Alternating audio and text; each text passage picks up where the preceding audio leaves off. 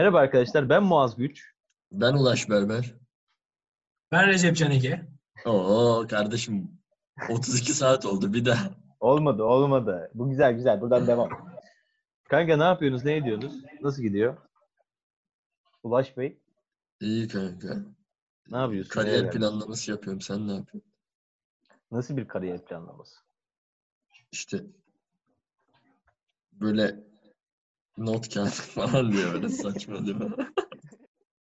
Kanka şu anlık fazla bir planım yok. Recep Bey, sen ne yapıyorsun?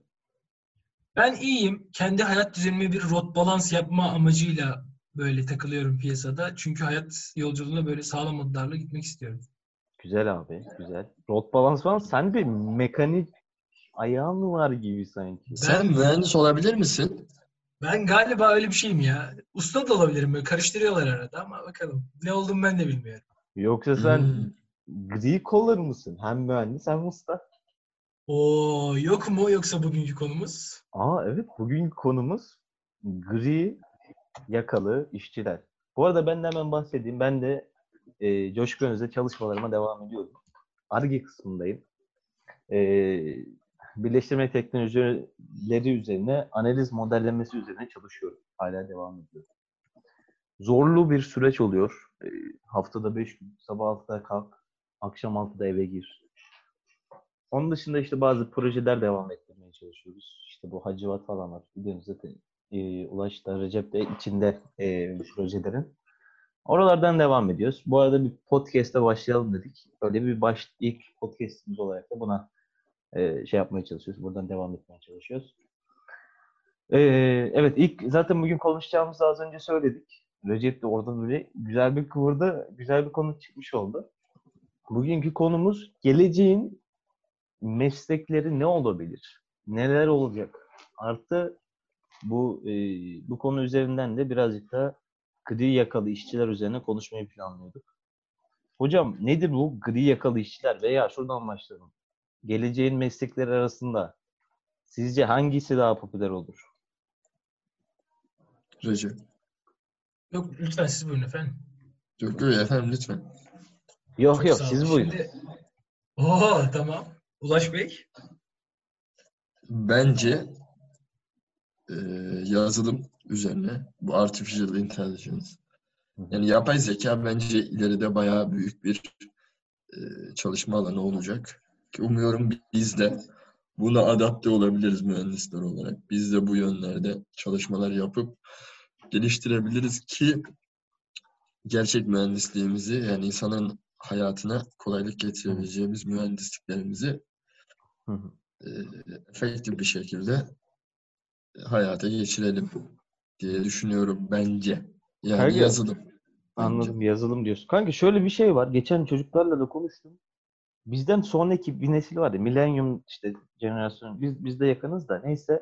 Evet. Uşakların hepsi, çocukların hepsi şey diyor. Yazılımda yazılım, yazılım mühendisi olacağım falan. Ben dedim ki bir tane arkadaşa, bizim işte Ar-Ge kısmında da bazı arkadaşlar var, şey üzerine çalışıyorlar. Adam örneğin makine mühendisi ama kendini makine öğrenmesinde geliştirmiş. Mesela bu konuda Aynen. bence önemli. İnsanların hepsi yazılım okuyayım, bilgisayar mühendisi okuyayım kafasında ama e, bu konu özelinde kendiniz de çalışabiliyorsunuz yani. Örneğin makinecisin, makine öğrenmesi çalışabilirsin. Endüstricisin mesela, yine makine öğrenmesi, optimizasyonlar üzerine yazılım çalışabilirsin yani. Bu konu bence değerli. Bir, insanların hepsi bilgisayar okuyayım kafasında ama sanki birazcık daha normal bölüm okuyup e, bununla desteklemek daha mantıklı gibi oluyor. Bunu neden söyledim? Tabii. Bizim bölümlerin eskidiğini düşünüyorum birazcık. Birazcık geri kalıyoruz sanki yazılım açısından. Ne düşünüyorsunuz bu konuda kanka? Ya o biraz e, bence o biraz şey olacak hani e, nasıl desem dediğin gibi bilgisayar mühendisliğine herkes abanırsa sadece yazılım okuyacağım diye bu sefer diğer bölümlerin bir anlamı kalmaz ama e, herkesin bilgisayar mühendisliği yani çok talep olursa sonuçta sıralama artar ve hepsinin bir kontenjanı var belli bir miktarda. Yani o kontenjanları doldursalar bile illa bence bir makine mühendisliğine bizim gibi yine bir şeyleri kalır diye düşünüyorum. Hani gitmek zorunda olanlar kalır ve onlar da bu sefer şey yapabilir. Hani bizim gibi makine okuyup sonradan bu olayın farkına varabilir diye düşünüyorum. Yani hepsi dediğin gibi meraktan dolayı bilgisayar mühendisliği olmak istiyordur. Bilgisayar mühendisliği Evet. okumak. Ama okuyamayınca başka bir yerden girmeye çalışacağı için işe bizim gibi bir şeyler yapmaya çalışabilirler sonradan öğrenmeye. Yani hepsi bence bilgisayar mühendisi olamaz kısacası. Katılıyorum. Recep ben sence peki bir doyuma ulaşır mı bu bilgisayar mühendisi? Ben hep diyorum ki ulan bunlar doyuma ulaşacak bir gün. Çünkü herkes bilgisayar, bilgisayar, bilgisayar. Bütün sayısalcıların hepsi bilgisayar diyor. Yani bir yerde doyuma ulaşır gibi geliyor ama doymuyor demiş sektör. Ama şöyle bir durum da söz konusu. Doymadı. Yani artık her şey bilgisayarlı. O da var. Yani şu anda yavaş yavaş mesela eee, mavi yakalı insan profilini çıkartıp robotlara eklemeye falan çalışıyorlar. Sonuçta onu belli bir üretecek, kontrol edecek. Hatta bence üretim de o plana kayacak gibi hissediyorum ben. Hmm. Ben Tamamen genelde öyle düşünüyorum.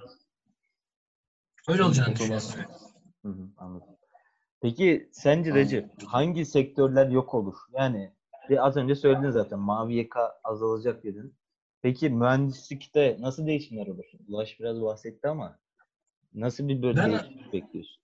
Ben aslında pek çok şeyin artık otonom olacağını düşünüyorum. Yani sadece mühendislikte değil, gerçi her alandan bakabiliriz ama e, normal bir insanın ya da hani mesela şu anda robot insan tipi dediğim insanlar var benim. Sürekli benzer işi yapan, aynı işi yapan ya da bir robotun yapabileceği işi yapan. O tarz işleri yapan insanların daha çok e, otonom ve robotik kısmına kayacağını düşünüyorum ben her zaman. Bir de e, temel mühendislikler yok olmasa bile alanları değişecektir gibi geliyor bana. Çünkü eskiden e, mesela makine mühendisliği çok temel bir mühendislik. İçinde termodinamik de var, işte yanmalı motorlar var, ne bileyim mekanik tasarımlar var, pek çok şey var. Ama artık mesela yeni açılan bölümlere baktığın zaman daha spesifik konularda insanlar daha hedeflerini belirlemiş ve o alanda uzman olmak için gidiyorlar gibi geliyor. Ben genelde böyle genel algıya sahip mesleklerin yavaş yavaş özelleşeceğini düşünüyorum. Anladım. Ona inanıyorum yani. Benim burada asıl sormak istediğim konu şu aslında. Ee, şimdi bunu bütün dünyada baktığımızda Endüstri 4.0 geldi, yazılım, koşma falan gibi böyle bir şey var ama Türkiye bunu ayak uydurabilecek mi? Bunu ben merak ediyorum. Sizce nasıl bir durumda Türkiye? Yani Türkiye bu 10 sene içerisinde sizce böyle güzel bir sonuca ulaşabilecek mi bu konularda? İşte bu gri yakalı çıkartma konuları hep konuşuluyor. İşte Endüstri 4.0'a geçeceğiz. Vesaire bunlar hep geçiyor ama Türkiye'de sanki az önce sen, sen şey dedin. Makine mühendisliği çok genel bir konuya bakıyor de- dedin değil mi? Daha şimdi Evet. spesifik bölümler çıkıyor ama şöyle de bir şeye bakıyorum. Mesela bizim okulda şey var ya e, lif polimer mühendisliği var mesela örneğin. Güzel bir bölüm evet ama şimdi şeylere bakıyorum, sektöre bakıyorum. Plastikçilerin çoğu hala makine mühendisi arıyor. Adam o konuda kendini geliştirmiş, yüksek yapmış mesela. Veya orada adam gitmiş bir firmada çalışmış plastikçi. Adamların hala isteği bir makine mühendisliği. Yani spesifik bir sektörden çok aslında hala sanki makineci alalım kafasındalar gibi geliyor bana. Sizce de öyle mi yoksa böyle siz böyle fark ettiğiniz bir şey oldu mu? İşte adam artık böyle spesifik bölümler isteyen firmalar var mı sizce? Ulaş? Aslında dediğin gibi hepsi böyle şey kafasında. Ee, dediğin gibi çok her yere makine mühendisi şey dediler ya bize okumadan önce. Makine mühendisi olduğun her yerde illa bir iş bulursunuz, bir şeye bir kapak atarsınız gibi. Ki o kafa bence kalkmadı Türkiye'de dediğin gibi. Hala böyle bir makine mühendisi alalım. Biz bunu burada işte şey yaparız, kullanırız dediğin gibi. Ama lif ve polimerciyi mesela adam bazen almak zorunda kalıyor. Ee, Neden? Çünkü diyor ki makinacı lif ve polimeri o kadar iyi belki bilemez hani bir şu olur bu olur ya da böyle çok şey bir konu diyelim E, ne denir? Çok hani deep bir konu makine mühendisinin yapamayacağı bir konu olduğu zaman alıyor ama dediğin gibi diğer durumlarda yine böyle o bilinmiş kalıplara gidiliyor bence de. Bilmem Recep nasıl düşünüyor? Ben aslında biraz farklı düşünüyorum. Çünkü şöyle mesela LinkedIn'e girdiğin zaman insanlar e, mühendislik fakültesinden mezun olmuş, şu şu şu şunları bilen belli özellikleri sıralıyor orada. E, böyle bir mühendis arıyoruz diyorlar. Yani insanlar senden artık bir bölümü bitirme beklentisinde değil, daha çok bir konuda uzman olma, o konuya dair pek çok bilgiye sahip olmanı bekliyorlar. Hı. O yüzden de dediğiniz doğru. Şu anda bizim ülkemizde bu kafa var ama ben bu kafanın e, dünyaya da bağımlı olarak yavaş yavaş yıkıldığını düşünüyorum. Hmm. Ee, biz zaten hani böyle yavaş gelişim gösteren, daha doğrusu yavaş adapte olan bir ülkeyiz bence. Öyle olduğu için bunun da öyle çok hızlı olmasını beklemiyordum. Ama örneğin mesela e, şöyle düşünüyorum. E, termodinamik konusunda kendini geliştirmiş birini sırf makine mühendisi olduğu için bir otomotiv firması almaz.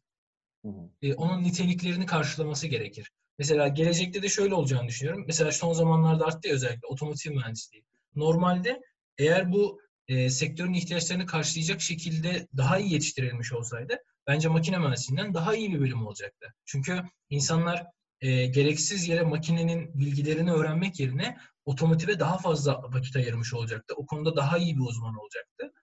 Hı hı. Benim naçizane görüşüm öyle. Öyle düşünüyorum.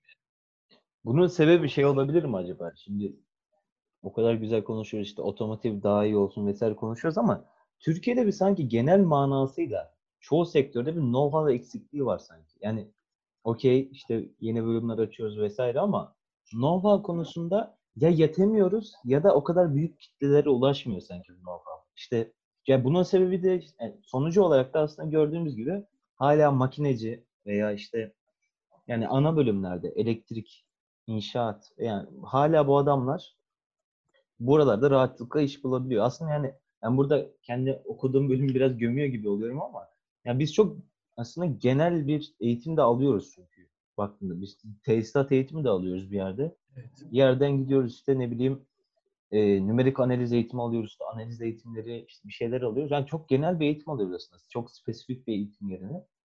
Yani bu da aslında bir yandan da dediğin gibi sıkıntı ama bunun sebebi acaba şey mi? Otomotivdeki know-how'ı yediremiyorlar öğrencilere. Yani çünkü tercih edilmiyor hala bu kadar. Ya benim gördüğüm mesela şu an benim çalıştığım yerdeki çoğu kişi makine mühendisi. Tabii bu sektör önüne de bağlı ama ya gördüğüm çoğu kişi makine mühendisi oluyor yani. Başka bölümler de var. Mesela malzeme meteoroloji de çok görüyorum. Ama genellikle bu iki bölüm üzerinde bir gelişme var. Bunun sebebi ne sizce kanka? Neden yani olmuyor? Ben know-how eksikliği olarak düşünüyorum aslında ama Ulaş. Abi ben bilemedim ya. Ee, Recep sence nasıl çözülür kanka bu? Ben şöyle, ben öğrenci profilinin ne istediğini e, üniversiteye gelmeden önce bilmediğini fark ediyorum. Çünkü bizim bizim eğitim sistemimiz öğrenciye gelecekte ne yapacağını göstermiyor, tanıtmıyor. Yani mesela öğrenci neden makine mühendisi oluyor? Diyor ki iki, iki seçenek kalıyor. Ya gelecek kaygısı oluyor. Diyor ki eğer ben işsiz kalırsam bu çok geniş bir yelpaze, pasta dilimi çok fazla büyük. Ben muhakkak bir sektöre kendimi atarım. Yani bu gelecek kaygısından kaynaklanıyor bir aşamada. Diğer aşamada da ne istediğini bilmemekten ya da meslekleri tanımamaktan kaynaklanıyor. Çünkü kişi hem kendini tanımıyor, o üniversiteye gelmeden önceki, meslek seçmeden önceki dönemde ne istediğini bilmiyor. Mesleği de tanımıyor. Mesela mesleğe geldiği zaman çok fazla bırakan arkadaşımız oluyor. Ya da işte mez- sadece diploma mezunu olan arkadaşlarımız oluyor. Kendini geliştirmeyen. Ya da-. Yani o tarz insanları çok fazla görüyoruz. Ben bu iki sebepten kaynaklandığını düşünüyorum. Anladım anladım. Güzel abi. Şey eee, ne dedik?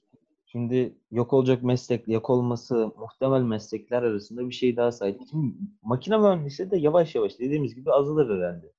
Burada da böyle bir kavram hep böyle muhabbette geçiyor bu yeni yeni nesil eee, ne diyeyim firmalarda veya yeni nesle geçmeye çalışan firmalarda gri yakalı diye bir muhabbet var. Kelime olarak şey işte ne mavi yakalı ne de işte beyaz yakalı. Yani, yani ne e, tekniker ne de mühendis. İkisinin arasında.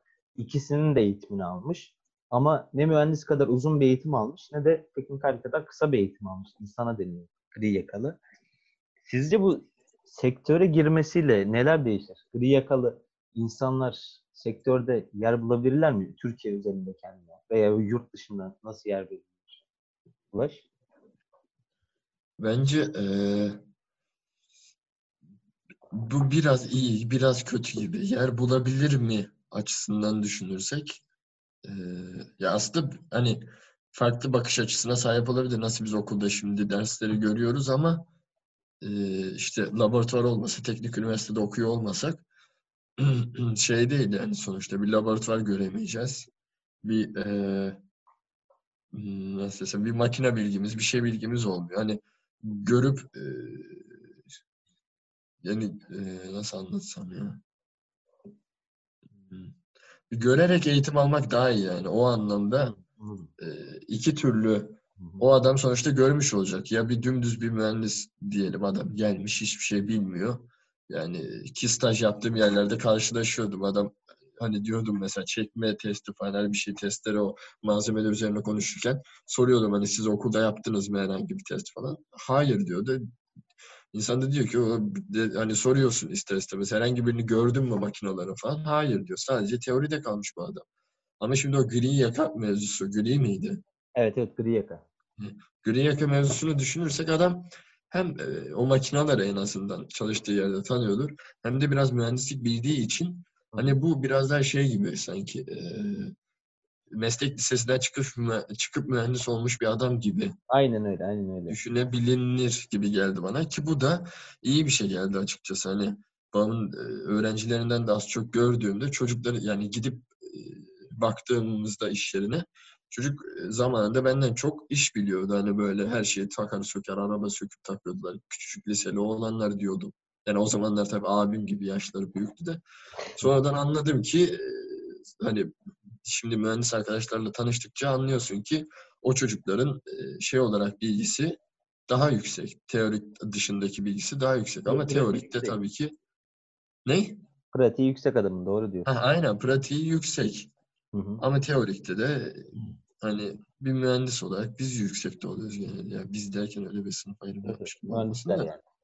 Yani mühendisler teorikte daha çok bilgiye sahip oluyor. Ki o gri yaka e, kavramı da bence gayet şey anlaşılabilir. Hoş bir kavram gibi geldi bana ki işe de yarar gibi geldi ki ben açıkçası sadece Türkiye'de beyaz ve mavi yaka ayrımının böyle bu kadar keskin olduğunu düşünüyorum. Yurt dışında yani bir e, hani bu genelde anlatılır böyle ki yalan olduğunu da düşünmüyorum. İşte bir Çinli adam geldi. Adam direkt girdi makinenin altına işte 40 senelik mühendis 60 yaşında adam girdi makinenin altına hani şey bir şekilde üstü başı pis bir şekilde çıktı. Niye? Çünkü adam çalışmayı seviyor, makineyi biliyor, her şeyini biliyor. Yani o e, şey mühendis değil. E, Ne denir? Ofis mühendisi değil gibi olduğu için bence Türkiye'de sadece bu böyle ki gri yakalaşma olursa iyi olur gibi geldi bana açıkçası. Yani e, en azından bir e, nasıl desem belki bu çalışma alanlarında eksikliği kapatır diyorsun. Yani bu endüstri Ha, hem kapatır hem de o heh, o şey kafası vardır ya işte mühendis gelir e, mavi yakalar der ki bu da hiçbir şey bilmiyor gelmiş buraya falan. Belki de o kafa biraz daha azalır hem de. Hani o bir rahata erer gibi geldi bana açıkçası. Yani iyi bir şey bence kısacası ki Türkiye'de olmadığını düşünüyorum. Yavaş yavaş artmaya başladığını düşünüyorum ama yurt dışında çoktan olduğunu ve devam ettiğini düşünüyorum açıkçası. Zaten ne- genellikle bu Endüstri 4.0 kafasıyla gelen bir şey. Bu şey e, adam hem yazılım bilsin. Örneğin robotik kodlama biliyor adam. Ama aynı hı. şekilde mavi yaka kadar da bu işlemlere hakim. İşte ne bileyim adam robotik kodda 3D printing üzerine hakim. Örneğin mesela bu eğitimi almış e, şey olarak üniversitede diyelim. 2 sene, 4 sene onu tam bilmiyorum. Nasıl bir yere yerleşecek bilmiyorum. Zaten şu an yeni bir kavram ya. O yüzden de aslında böyle Endüstri 4.0'la gelen bu üretim açığını e, mühendisler kapatamıyor. Mavi yaka kapatamıyor. Çünkü mühendis biraz şey kalıyor burada. E, nasıl? Uneffective. Ha, kalıyor. Mühendis başka bir şey yapıyor. Mavi yaka dediğin bilmiyor adam yazılım bilmiyor. Veya işte mühendis de yetişemiyor bazen o yazılıma falan. Ya bu gri yaka kısmı tam o kısmı dolduracak gibi geliyor. Peki Recep hı. sence e, bu gri yaka beyaz ve mavi yakayı nasıl etkileyecektir? Yani sektöre nasıl bir giriş yapar ve nasıl bir sonuç doğurur? Üretim olarak ya zaten şöyle üretim olarak temel amaç o yani işi kolaylamak. Çünkü gri yakanın ilk oluşum şekli şu şekilde. e, hani eksik üretim var ama vahşi bir pazarlama var. İnsanlar artık ürün yetiştiremiyor ve bilgisiz insan da az önce bahsettiğim gibi hani e, ya mühendis olması lazım ama yeterince mühendis yok. Mavi yaka bu işten anlamıyor. O yüzden gri yaka e, insan yetiştirmeye çalışılıyor. E, ben e, üretim açısından olumlu olacağını düşünüyorum. Hatta mühendislerin de e, mavi yakalıların da işinin kolaylaşacağını düşünüyorum. Çünkü mühendis için sana destek olabilecek hem belki tecrübe manasında hem de aynı zamanda e, hani bu şey muhabbeti vardır ya e, bir ürün mühendisin tasarladığı kadar değil ustasının yapabildiği kadar aslında diye. Ben biraz o mantıkta düşünüyorum. Eğer gri yakalının az çok bilgisi varsa mühendisin tasarladığı şeyi daha sağlıklı bir şekilde gerçekleştirebilir. Hmm. Bu şekilde de aslında hem mühendis ve mavi yakalı arasındaki bağlantıyı güçlendireceğini düşünüyorum sosyal açıdan. hem de üretimin daha kaliteli ve daha hızlı olacağını inanıyorum. Hmm, anladım. Peki sence şey yapmaz mı? Ee, ya adam örneğin mesela büyük bir firma olsa dahi ad- adam mesela full Endüstri 4.0'a geçti artık diyelim. Adam mavi yakayı e, işten çıkarmak isteyebilir. Der ki ben zaten Endüstri 4.0 işçiye gerek yok. Torn, torna zaten kendisi işleyecek veya işte robotik koldan alacak o. Yani tesis kendisi işleyebilecek. Sadece bana işte Hı. 5 tane e, gri yakalı ayarlayın. Bu yazılım işlerine baksın. Sıkıntı olursa tamire gelsin. Onu da bilsin ikisini de ayağı. Mavi yaka gitti diyelim. Ya şimdi şöyle bakınca bir de adam yazılım biliyor. Mühendislik de bilse birazcık. Ya mühendislikten de bu e, teknolojiye dönüşüm kısmı da sanki birazcık eriyor. Mekatronikte çalışan çok kişi var ya o konularda. Evet. Sanki oradan da bir erime var. Gibi geliyor bana. Sanki böyle birazcık e, iki kısmı da kısacak gibi geliyor yani. O ortadan pay alacak gibi. Sanki pay verecek değil de sanki pay alacak gibi düşünüyorum. Siz ne Ben de öyle düşünüyorum. Ben böldüm bu arada özür dilerim ama ben de öyle düşünüyorum. Yani çünkü hatta pek çok mavi yakalının yavaş yavaş artık gri olmaya çalışacağını ya da Hmm. e, mesela mühendis oranını yavaş yavaş kısacaklardır. Onları da gri yakalı yapmaya çalışacaklardır. Çünkü ihtiyaç artık orada olacak. Mesela şöyle düşün. E, bir insan vasıfsızsa yavaş yavaş artık işten çıkartıyorlar. Çünkü şirket diyor ki senin bana bir katkın yok. Yani bir şirket bazında baktığımız zaman. Ama gri yakalı olduğu zaman işi senden daha az bilenler var. Yani ufak da olsa bir vasfın var, bir bilgin var, bir birikimin var. Öyle olduğu için ben o payın e, de bahsettiğin gibi mavi ve beyaz yakalıdan daha büyük olacağını düşünüyorum pasta diliminde. Hmm. Biz, biz, biz bittik o zaman. Yine aç, aç kalacağız. Çok güzel be. Oğlum zaten biz kalacak gibiydik. Tam kalacağız herhalde ya. Biraz geç gelsek.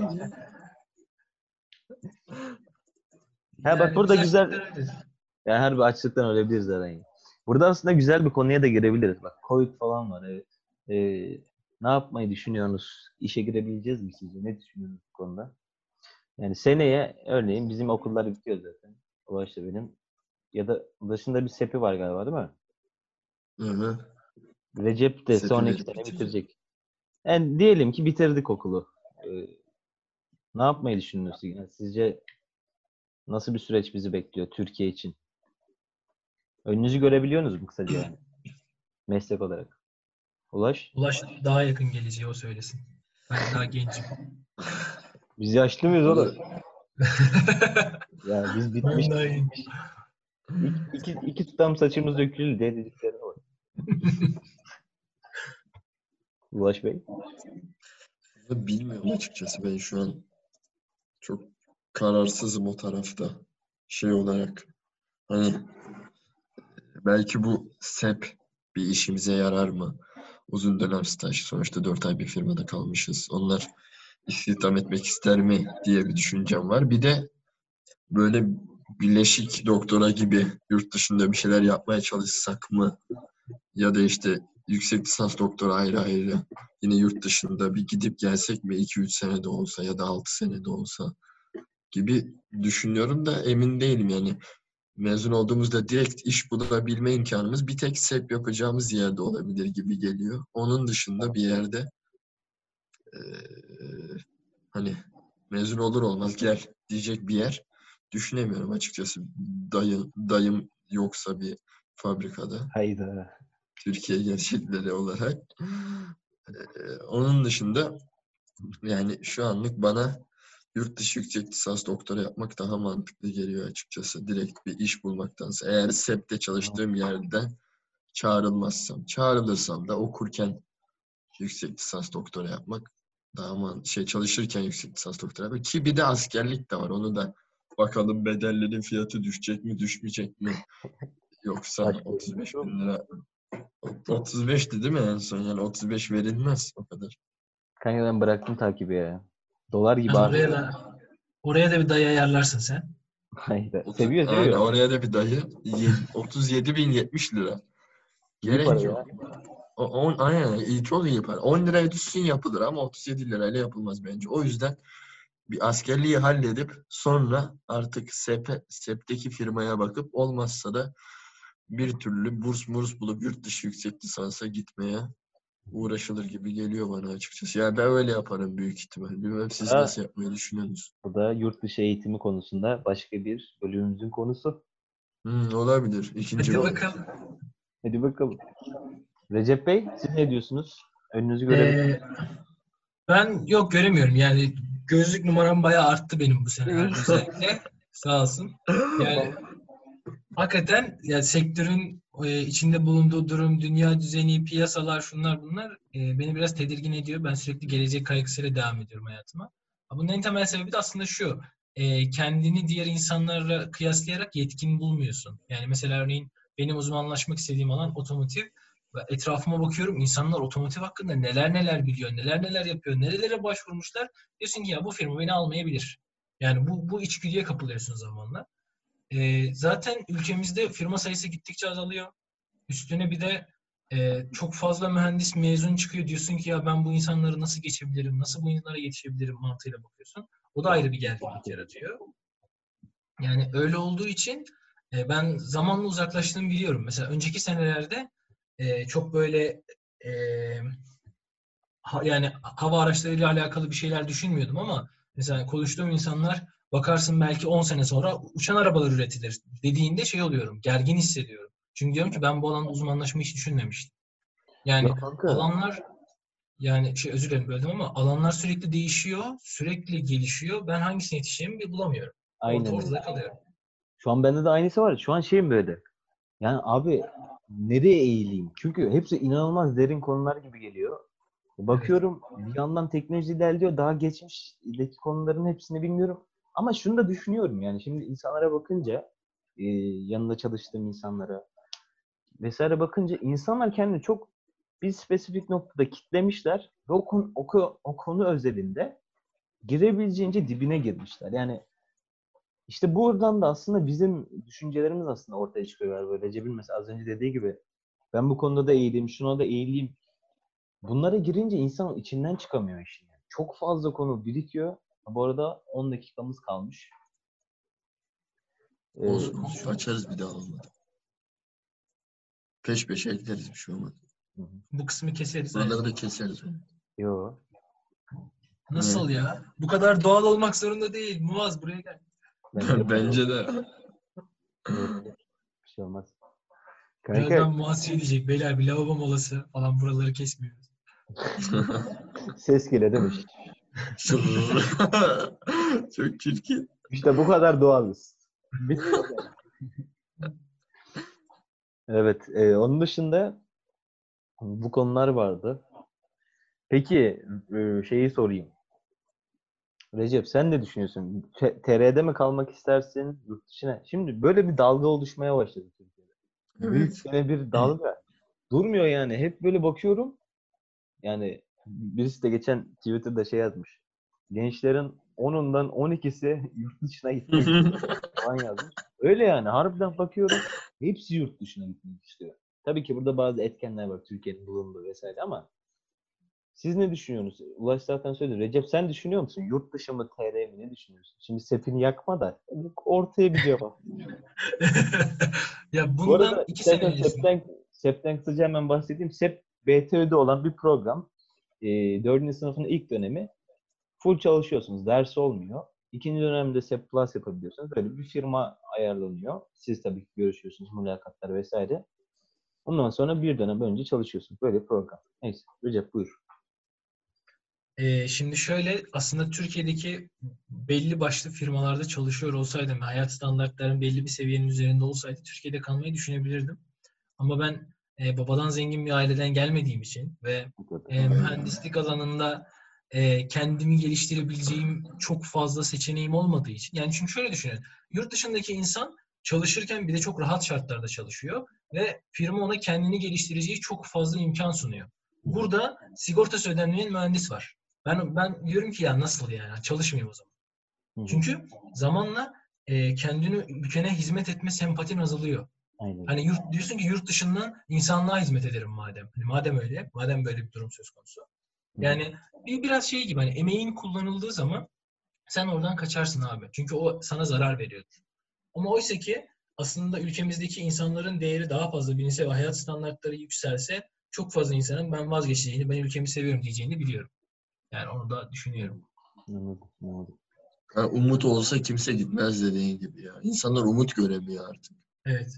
Hani bu öyle öyle. YouTube'daki bu e, hani video çeken veya işte konuşma yapan insanlara baktığım zaman siz de bakıyorsunuzdur ara sıra.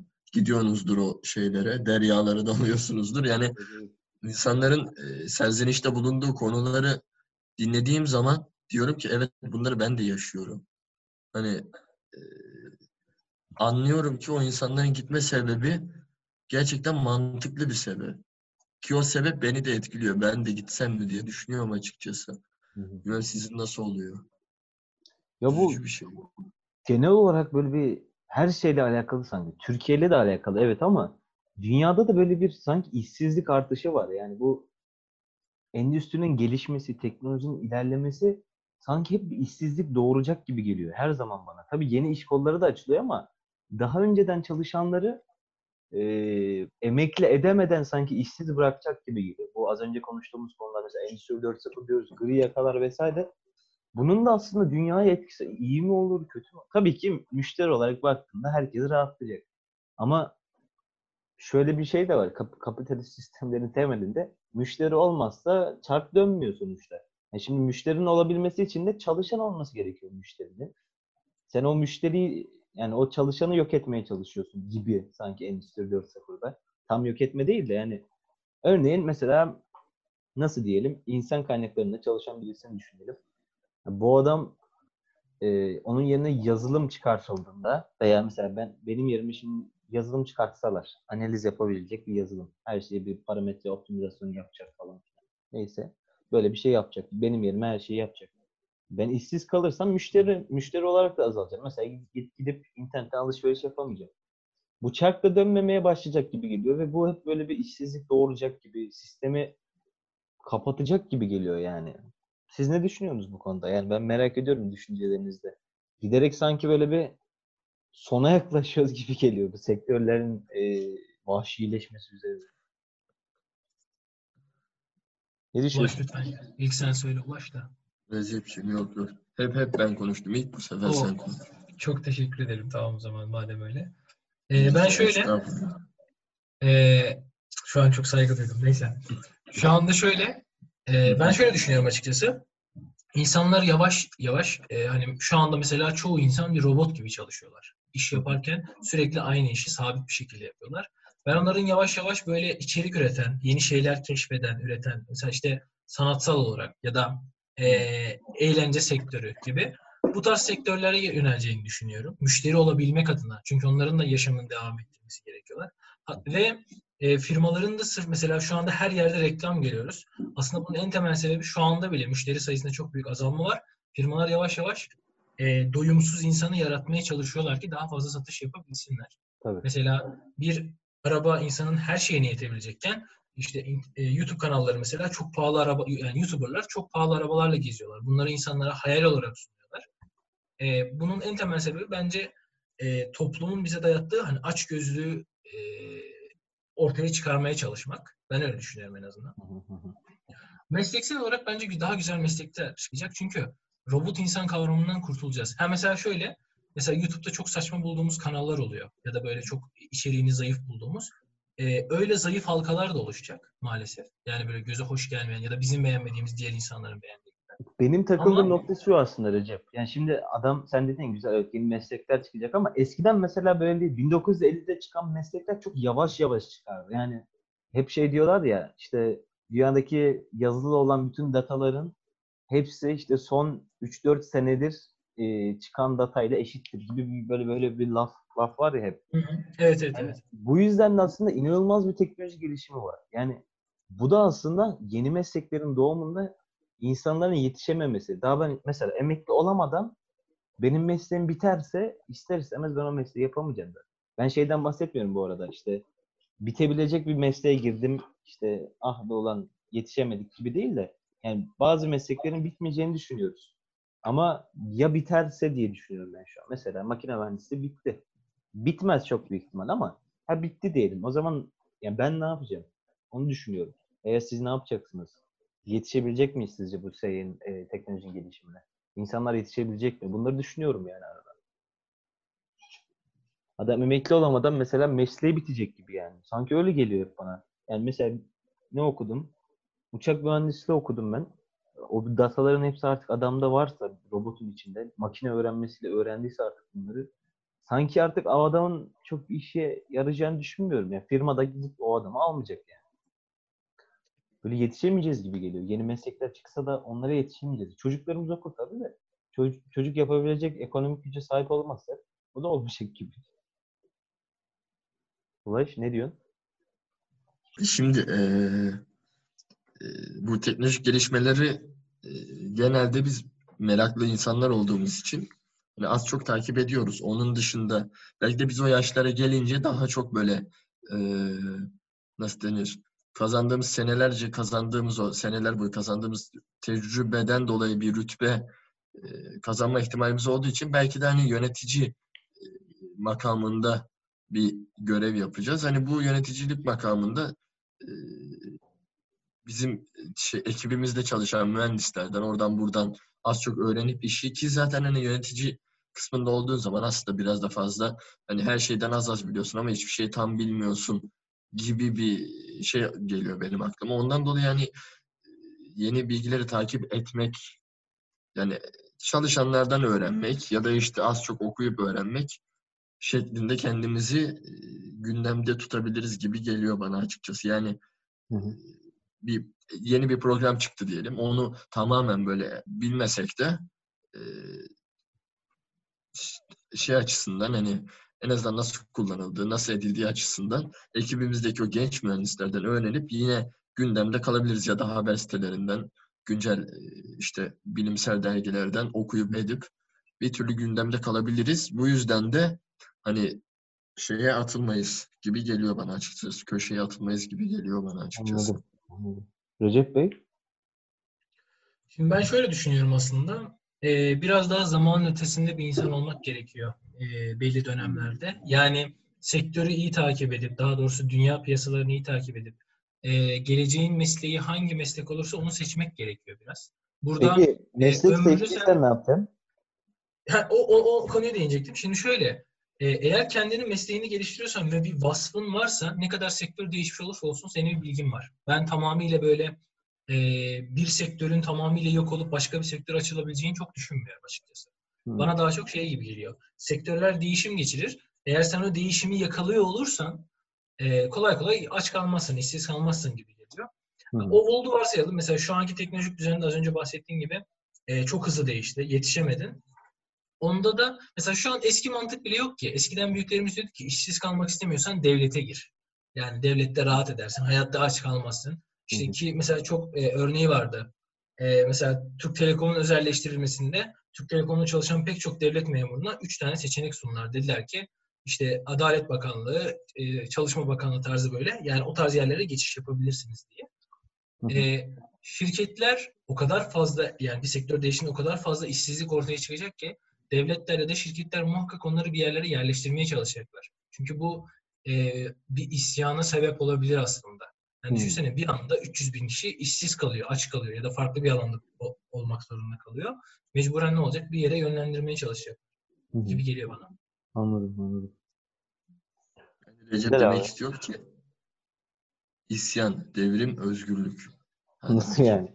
Nasıl yine, yani? Yine yine editleyeceğimiz kısımlar oluşuyor. Hı? Yine e- editlememiz gereken kısımlar oluşmaya başladı. Bir şey olmaz, bir şey olmaz. Diyorsun. Nasıl yani? O zaman e, bu haftalık bu kadar diyelim. Arkadaşlar teşekkürler. Son iki haftada çok büyük ihtimal yurt dışı eğitimleri, hayatta neler yapmak istiyoruz bu konular üzerine biraz daha konuş konuşabiliriz. Veya Recep veya Ulaş ne konu beğenirlerse onun üzerine gideceğiz. Bu arada hemen kısaca kendimizi tanıtırsak. Ben e, Muaz. Bursa Teknik Üniversitesi'ndeyim. Makine mühendisi 4. sınıf öğrencisiyim. Şu an sektör eğitim programı kapsamında Coşkun Öz firmasında ARGE'de çalışıyorum. Onun dışında eee Hacivat diye bir ekibimiz var. Yine söylemiştik program içerisinde. Onun içerisinde bulunuyoruz. Hala devam ediyoruz. Dördüncü senem. Proje geliştiriyoruz. Bir şeyler yapmaya çalışıyoruz. Onun dışında bazı işte eee, başvurularımız da var. Proje gibi böyle şeylere de başvurmaya çalışıyoruz. O şekilde ben kendimi tanıtabilirim.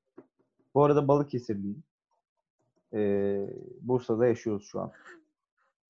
Recep, Sen de bir tanı. Ee, ben ben Recep Can Ege, Bursa Teknik Üniversitesi'nde öğrenim görevlisiyim. Ee, Nasıl yani? Bu şekilde bu şekilde çalışıyoruz 3. sınıfım. Ee, aynı zamanda Hacivat ekibindeyim arkadaşlarımla birlikte. Otomotiv sektörüne ilgi duyuyorum. O alanda geliştirmeye çalışıyorum kendimi.